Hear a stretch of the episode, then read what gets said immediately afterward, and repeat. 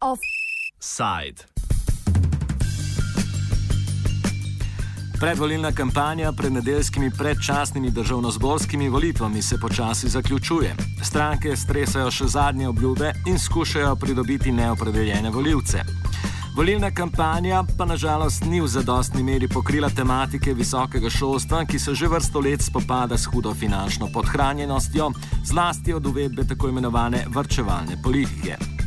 Vse zadnje slovenske vlade so problematiko ali ignorirale ali jo skušale reševati s prilivom zasebnih sredstev in spodbujanjem zasebnih poslov v visokošolskem prostoru.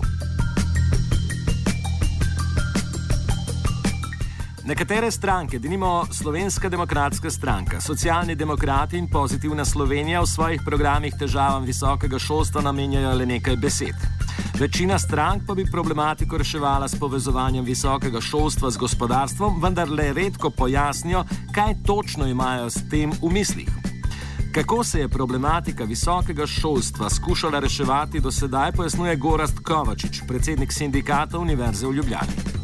Odhajajoča vlada se je lotila pisanja novega zakona o visokem šolstvu. Uh, to pravzaprav mora narediti že zato, ker je pred nekaj leti Univerza v Ljubljani dobila uh, tožbo na ustavnem sodišču, kjer je spodbijala sedanji način financiranja uh, javnega visokega šolstva. Uh, to se sedaj financira z uredbo, v ustavi pa piše, da je to treba uh, narediti z zakonom. Um, in torej zakon o visokem šolstvu bi moral uh, predpisati stabilen način in stabilne parametre financiranja. No, ampak poleg tega se je uh, ministrstvo, uh, ki ga je vodila stranka SD, uh, lotilo preurejanja tudi drugih vidikov visokega šolstva. Izkazalo se je pa to, da so pravzaprav nameravali javno finančno luknjo na tem področju pokriti uh, s tem, da bi več študentov plačevalo šolnine. Uh, temu smo se sindikati in študenti uprli in potem čisto v zadnjih mesecih, ko je vlada pravzaprav že padla, uh, se je ministrstvo omehčalo in je to določbo dalo ven. No, ampak seveda zakon ni prišel do parlamenta in kakšna bo njegova usoda naprej, bomo videli.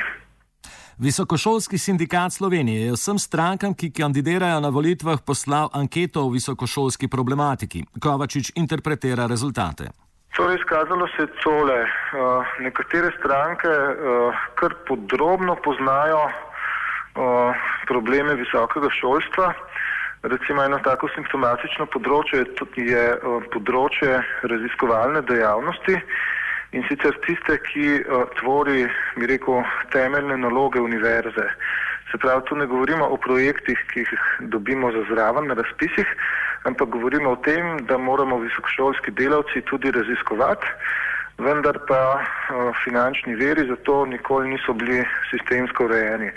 Ravno tako recimo bi bilo zelo koristno, če bi imeli sistemska sredstva za to, da bi podiplomske študente vključevali v raziskovanje, ampak vse to je pravzaprav odvisno samo od uh, uspešnosti posameznikov na trgu. No, torej, nekatere stranke so kompetentne, natančno poznajo probleme in so potem zmožne razviti uh, tudi uh, specifična stališča. Uh, nekatere stvari poznajo v grobem in jim potem zmanjka sape pri takih vprašanjih, kot je recimo uh, temeljna raziskovalna dejavnost univerze. Uh, Nekatere pa očitno o visokem šolstvu ne vejo nič kaj dosti in so trosle klišeje, imele kratke odgovore, odgovore, iz katerih je bilo razvidno, da pravzaprav nimajo nekih ekip oziroma specialistov v tem sektorju. In pa seveda tri večje stranke, ki bojo verjetno vstopile v parlament, se sploh niso odzvale.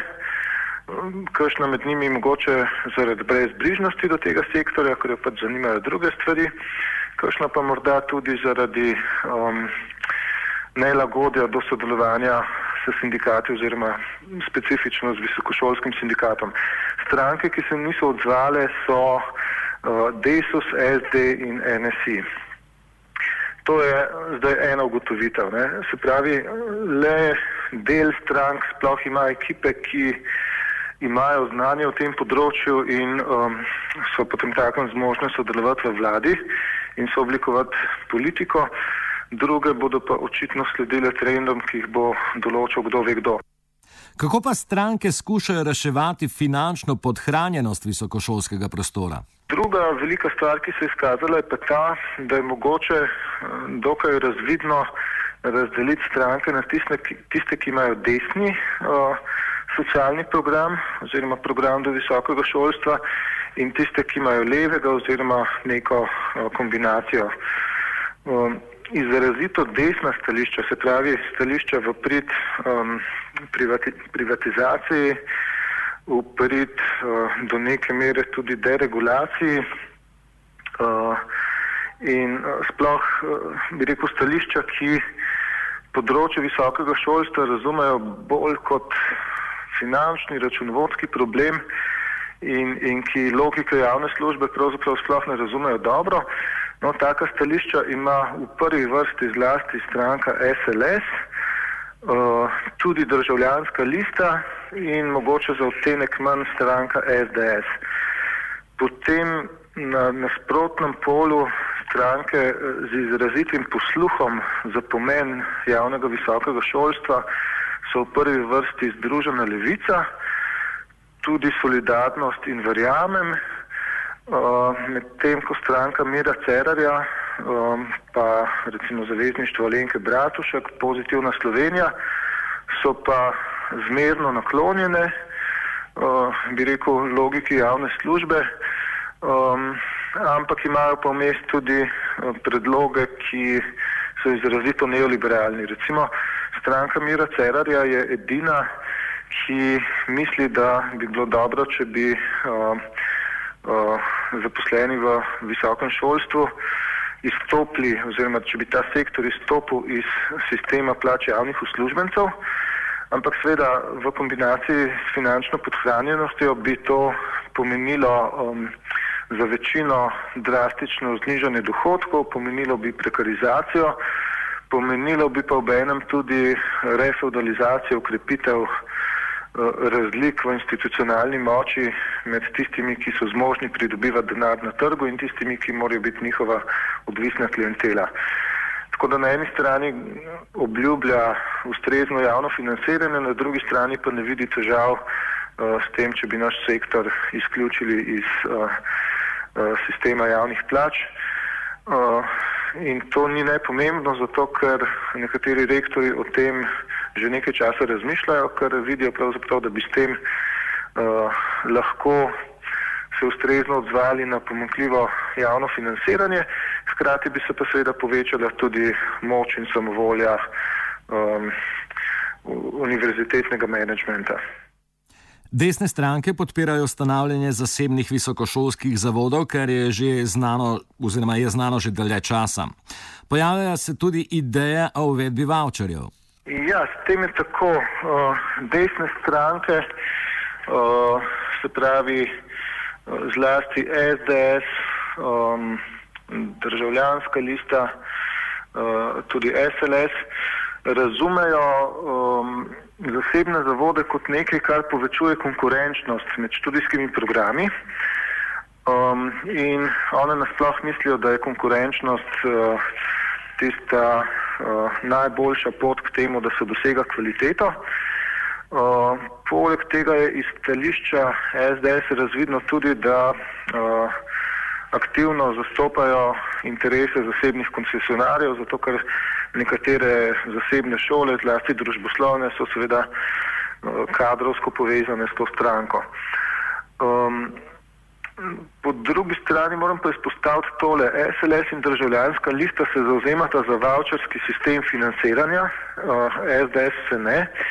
In voucherski sistem financiranja bi pomenil, da bi uh, študent imel kupon za enkratni brezplačni študij kjerkoli in bi potem s tem kuponom izbral uh, nek študijski program.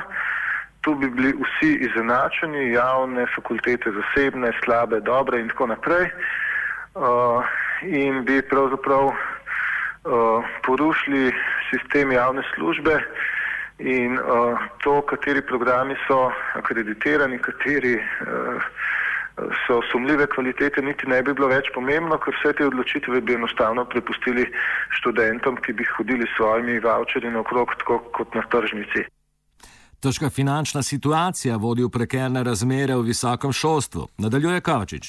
Jaz mislim, da je prekarizacija uh, v bistvu nastaja kot uh, učinek um, nekega sistemskega problema. Uh, namreč, da je cel sektor uh, bistveno finančno podhranjen in se potem seveda išče notranje rezerve tako, da se uh, ljudi zaposluje vse bolj za določen čas, da se jih zaposluje honorarno, se pravi, to sploh ni zaposlovanje, da se niža honorarje. Um, iz tega potem sledijo tudi razmerja med osebnih odvisnosti. Um, jaz mislim, da če bi uh, ustrezno uredili sistemsko financiranje v zadostnem obsegu, bi uh, bilo tudi dovolj notranjih rezerv, da bi lahko uh, lažje zborili um, omejitev teh anomalij. Začudilo nas je, da stranka SD ni odgovorila na vprašalnik sindikatov. Kovačič. Ja, to je res nenavadno. Morda je lahko razlog v tem, da uh, je bil naš sindikat nekoliko na bojni nogi uh, s stranko SD zaradi predloga novega zakona o visokem šolstvu. Uh, ampak jaz mislim, da profesionalni politiki ne bi smeli osebno vzeti takih konfrontacij. Uh, zdaj, druga možnost je morda ta, da SD nima v tej volilni kampanji aktivnih tistih kadrov, ki bi se spoznali na ta resor. Čeprav v resnici imajo kar nekaj ljudi iz visokošolske sfere, ampak morda so jih tudi odrinili na stranski ter, takrat, ko so na hitro prisilili prejšnjega predsednika Lukšiča pod stopu. Na naše povpraševanje, zakaj niso odgovorili na anketo, so iz socialnih demokratov odgovorili, da so jo, navajamo, več kot očitno spregledali.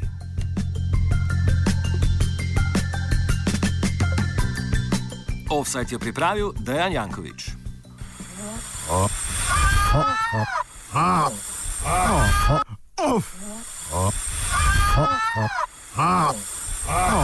Offside.